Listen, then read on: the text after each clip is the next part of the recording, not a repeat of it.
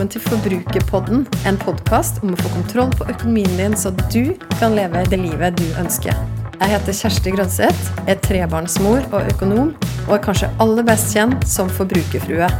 La oss snakke litt om forbruk, for alt starter med det.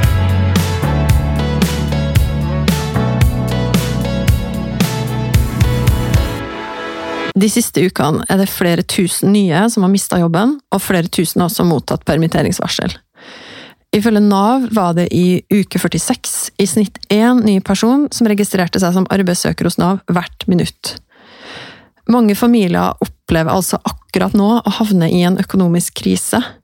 Samtidig går det mot jul, og vi vet at det er en tid hvor mange bruker mer penger enn ellers i året. Og kanskje føler vi ekstra på det i år også, at vi trenger noen lyspunkt i tilværelsen. Så vet vi også at for mange pleier januar å være en tøff måned med lite penger på konto. Litt fordi det for mange faktisk er flere dager fra desemberlønna til lønna kommer i januar enn i en vanlig måned. Men også selvfølgelig fordi vi har brukt mer. Gjerne også mer enn vi planla. Hvordan ser lommeboka di ut akkurat nå? Eller kontoen, da? Og hvordan vil du at den skal se ut på nyåret? Gjesten min i podkasten denne uka har skrevet boka Lommeboka i hverdag og krise, og hun brenner for at vi skal snakke mer og være mer åpne med hverandre om vår egen økonomiske situasjon. Guro Solien Eriksrud er forfatter, foredragsholder og kursholder. Og nå har jeg med på tråden her, fra sitt eget hjemmekontor. Så da vil jeg bare si hjertelig velkommen til Forbrukerpodden til deg, Guro.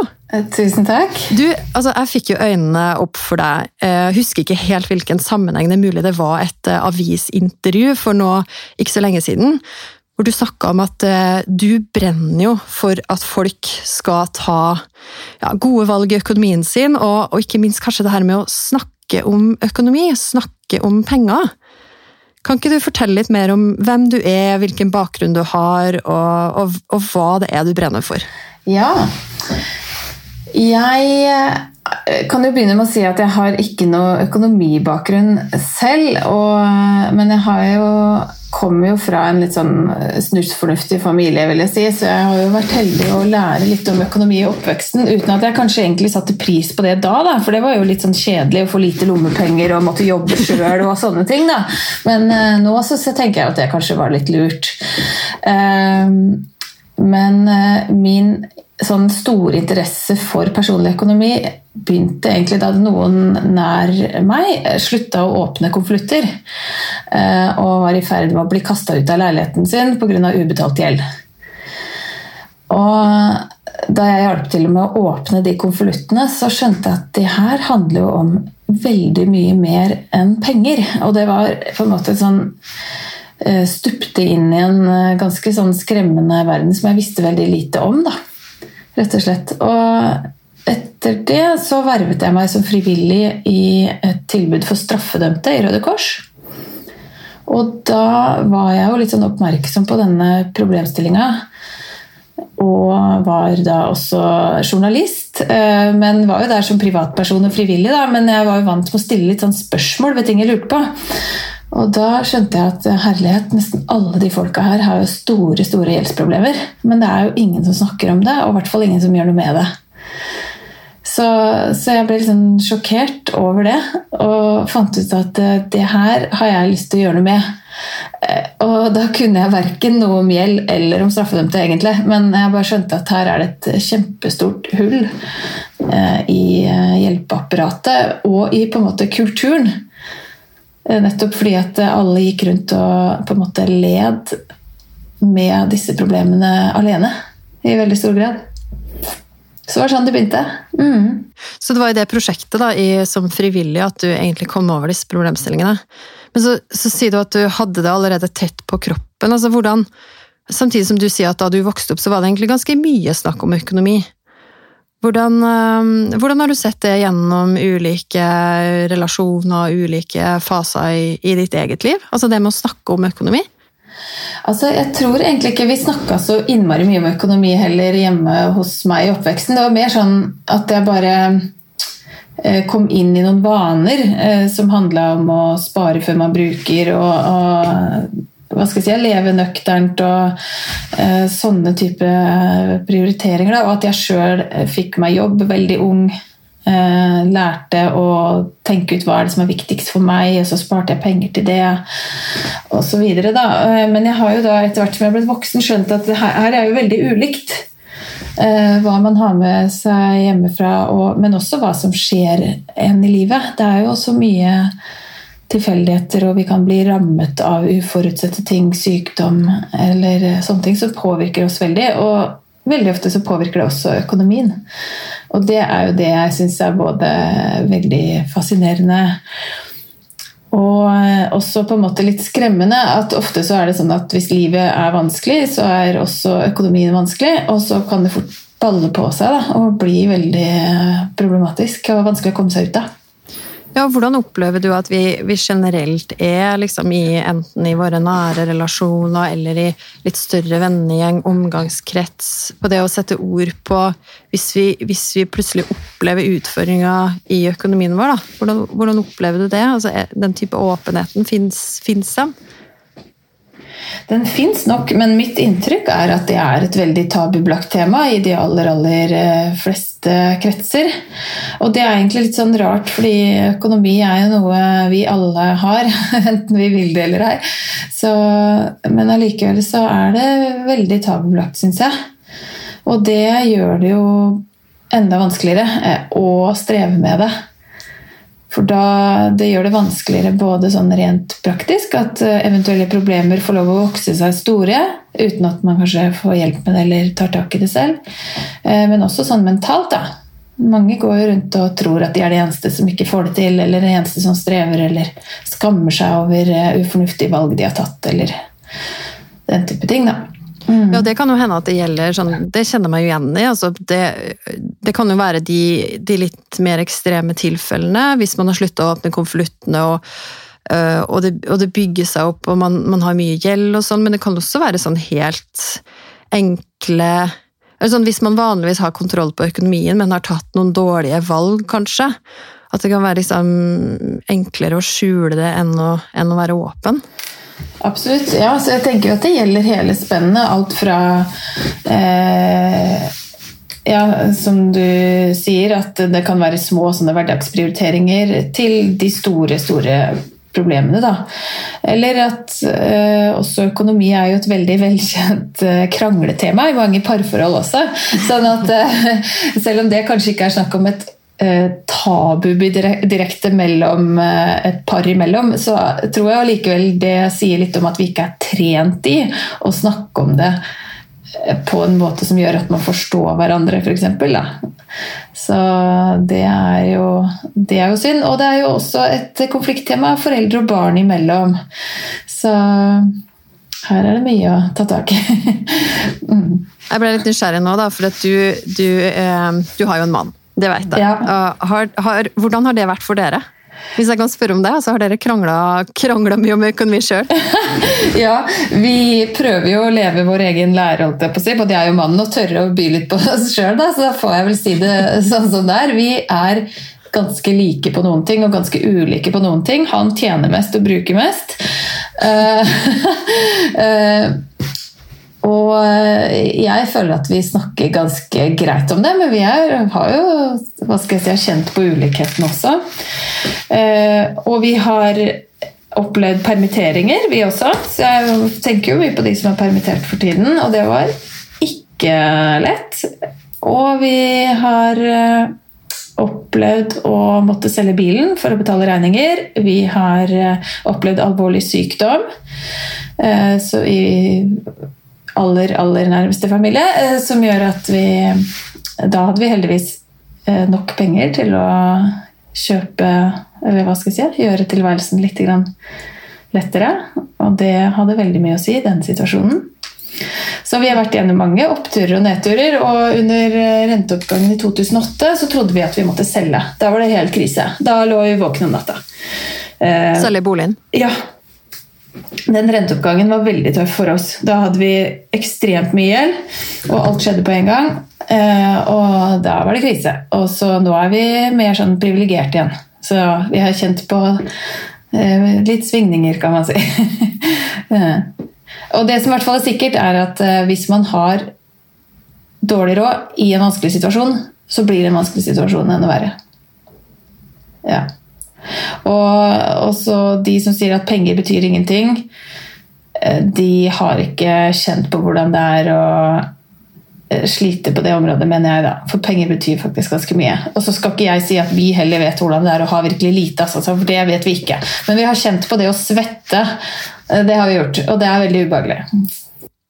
Men vet du hva, det kjenner jeg igjen, for at uh, en av de aller første episodene av uh, podkasten min i høst, så hadde jeg med uh, en lytter i studio som heter Kaja, og som fortalte om hvordan, hvordan utføring av økonomien i forholdet, og, og da var det um, eh, samboeren da, som hadde opparbeida seg litt gjeld, og så hadde det kommet fram, og så begynte de å snakke om det, og så, og så, begynte hun å være åpen om det med omgangskretsen sin, og hennes historie var jo veldig en sånn, en sånn happy ending-historie, fordi at de, de, tok jo tak da, og begynte å få et felles språk og kunne snakke om det mellom seg, og også med omgivelsene, og så fikk de snudd det.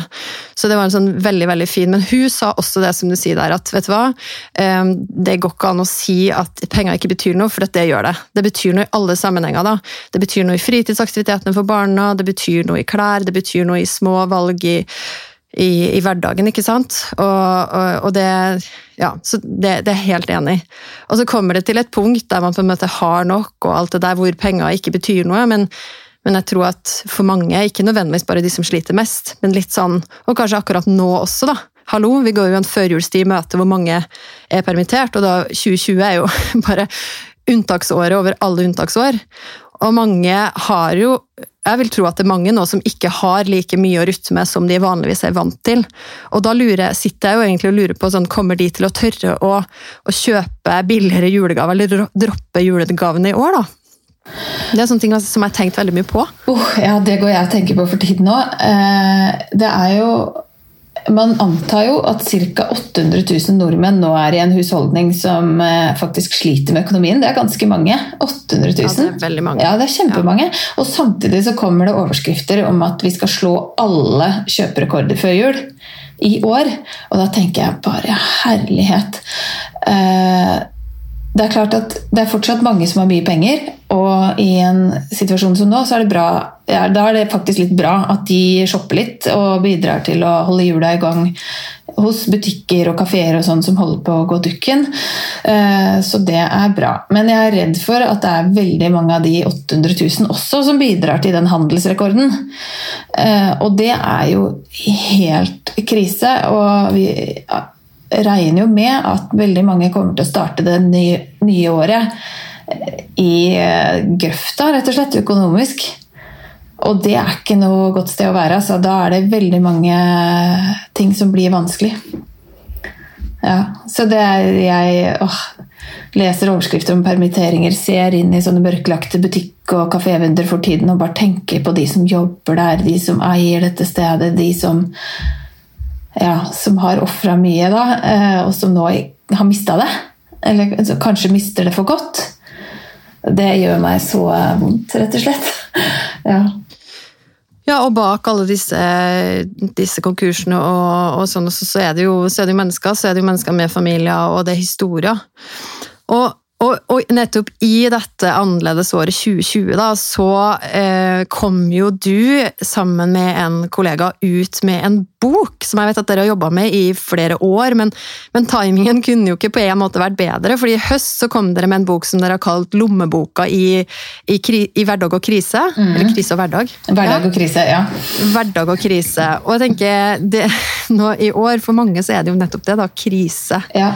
Og eh, jeg vet at du også har i den boka noen historier om noen som kom i litt sånn krisesituasjoner. Kan ikke du dele, dele en av de?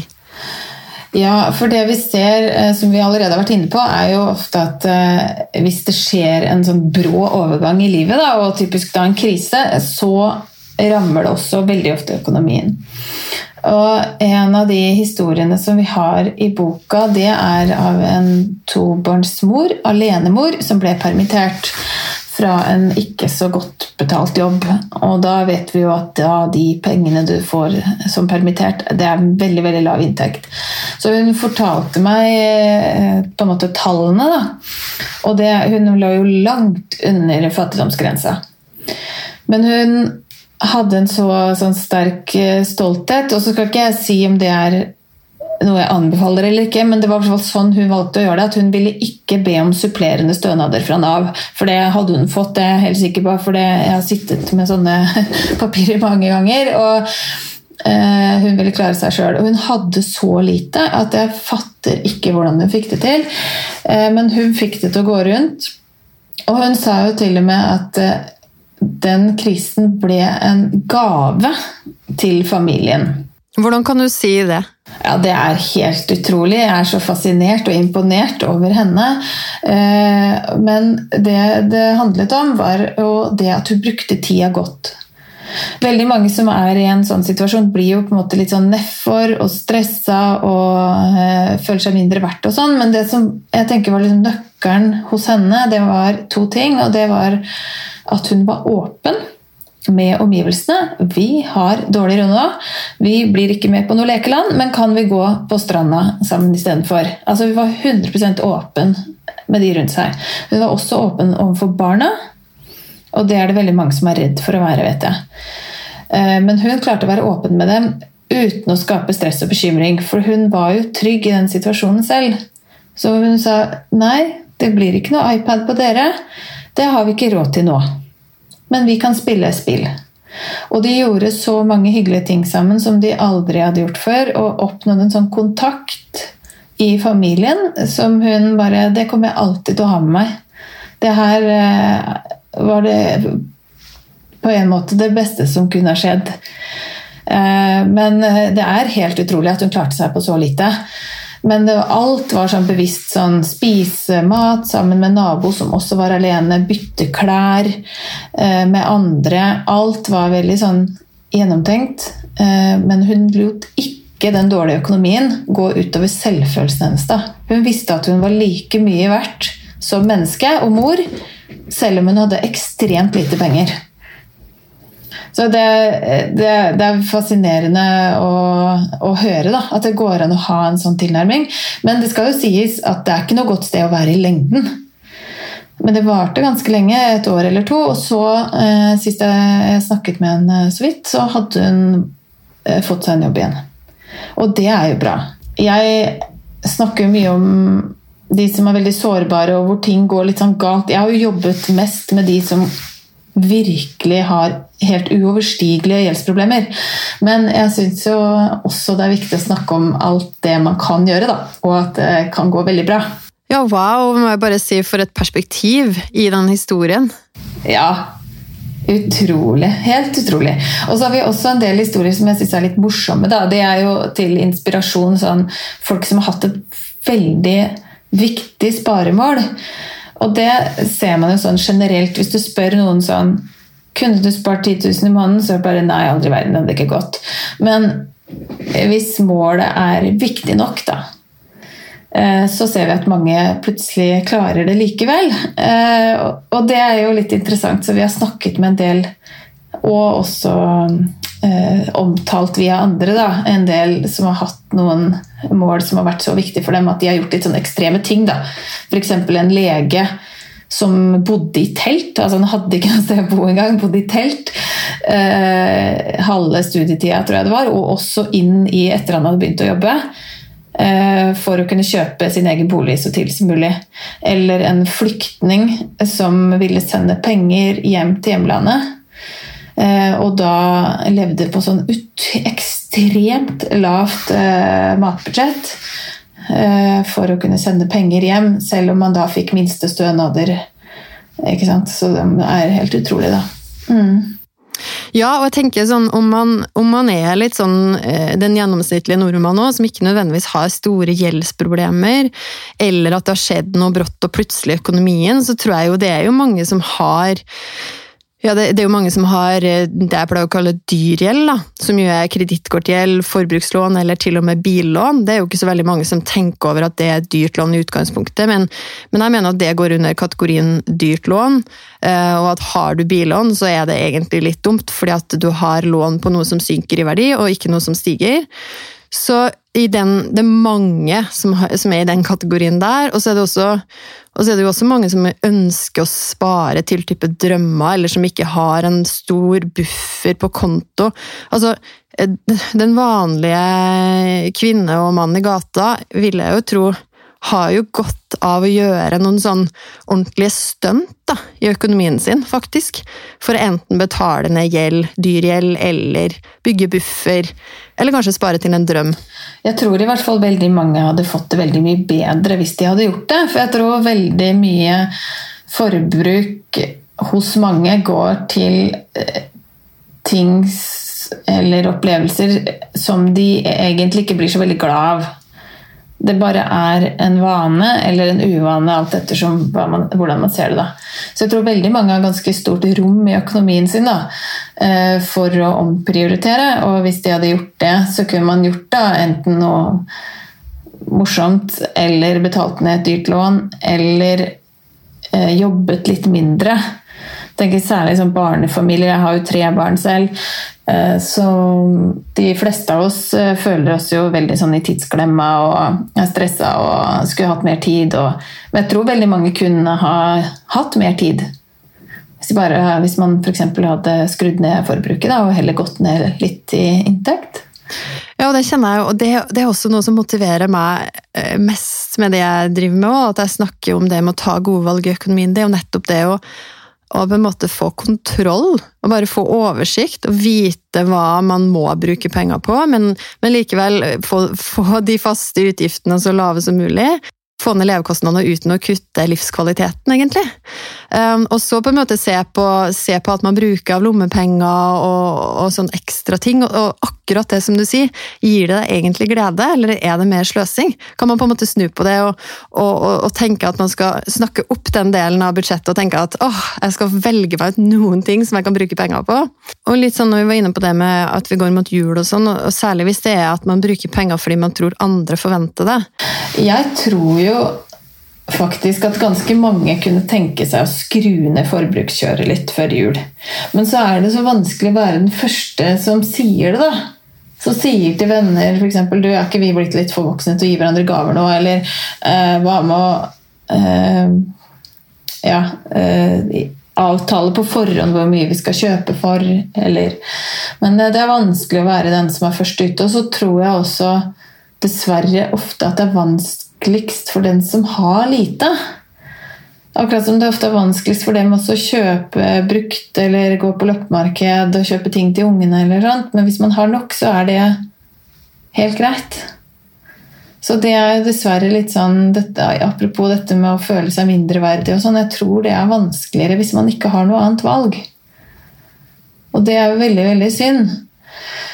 Men jeg, jeg, håper og tror jo at tida jobber litt med oss der, da, med dette med miljøperspektiv, og sånn at man kan se at det er mange grunner til å skru ned forbruk og handle brukt og bytte lånet og arve og sånt. da enn bare det å spare penger. Og Hvordan, tror du vi kan, hvordan tenker du vi kan legge til rette da, for å ha de samtalene, for at terskelen skal bli lavere for å, for å, sette ord på sånne ting? Ja, Det er jo et godt og stort spørsmål, men jeg tenker jo der at Eh, vi som på en måte er sånn relativt trygge i den situasjonen, i hvert fall kan være litt bevisst på å si det høyt.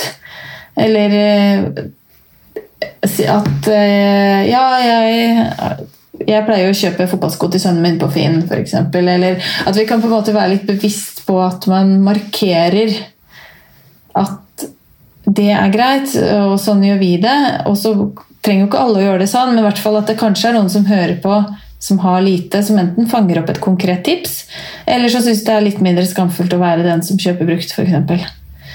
Og så tenker jeg i sånn skolesammenheng i forhold til barn og sånn ja, Det er jo sikkert mange som er uenig med meg der, altså, men jeg kjenner i hvert fall på at jeg har ikke lyst til å være med på å gire opp forventningene knytta til f.eks. bursdager.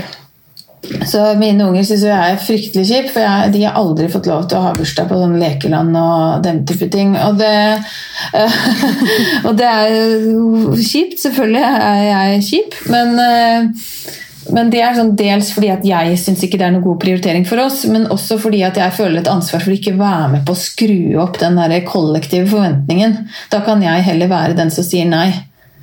Akkurat som jeg nekter å kjøpe en ny mobiltelefon til barna mine. Det tror jeg aldri de kommer til å få. De, sånn er det bare. Og det Ja. De har jo blitt litt vant med det, da. Men det du sier der, det, er utrolig viktig. At man, man, tør å være litt sånn trygg i egne valg òg, og kunne formidle det og snakke høyt om det.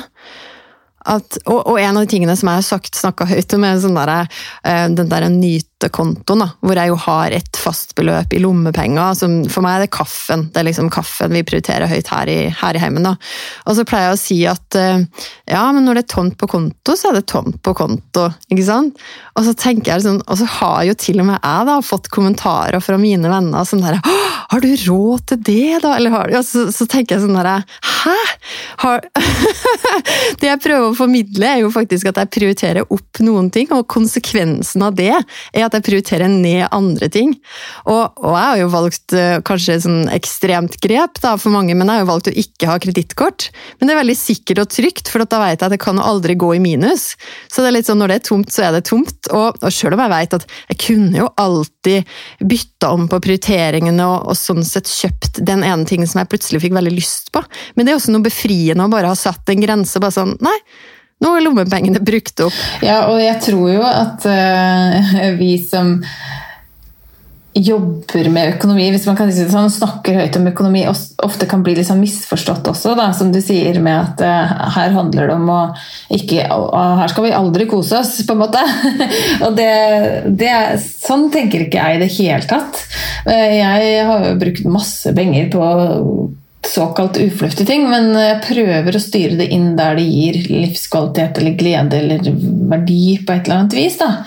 Eh, at det er et valg når jeg har anledning til det. Da. Og så er det jo ikke alle faser man har anledning til å bruke så mye rundt omkring. Og det er mange også som har såpass knappe inntekter da, at de egentlig aldri kan spare til de o store utskeielsene.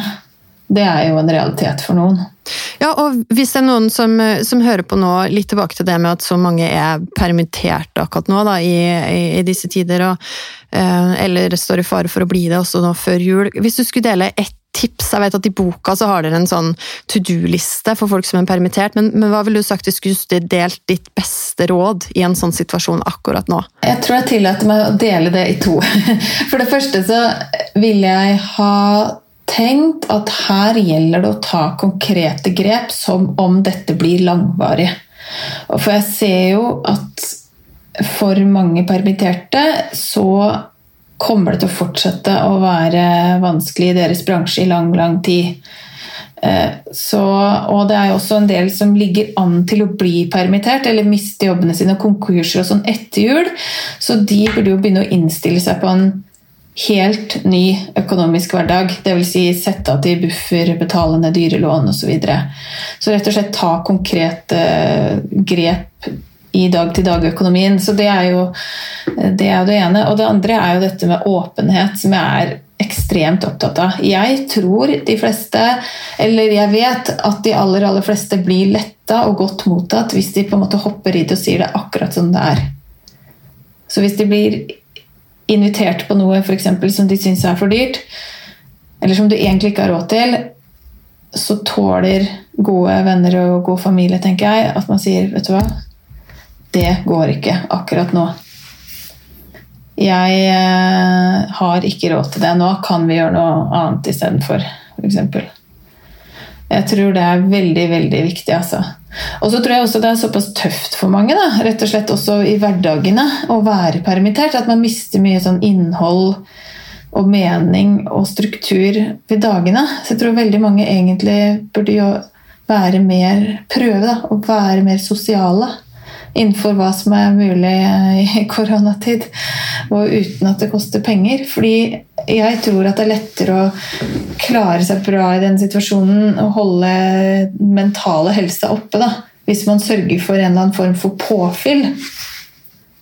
Så alt det her henger så veldig, veldig nært sammen.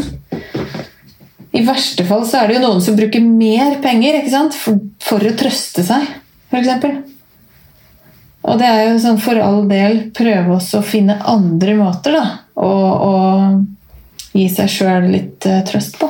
Ja, Det er veldig bra, Guro. Takk for at du er så tydelig på det med å snakke og tørre, tørre å være åpen om økonomien. Det, det, det, har vi alle godt av å eh, bli oppfordra til.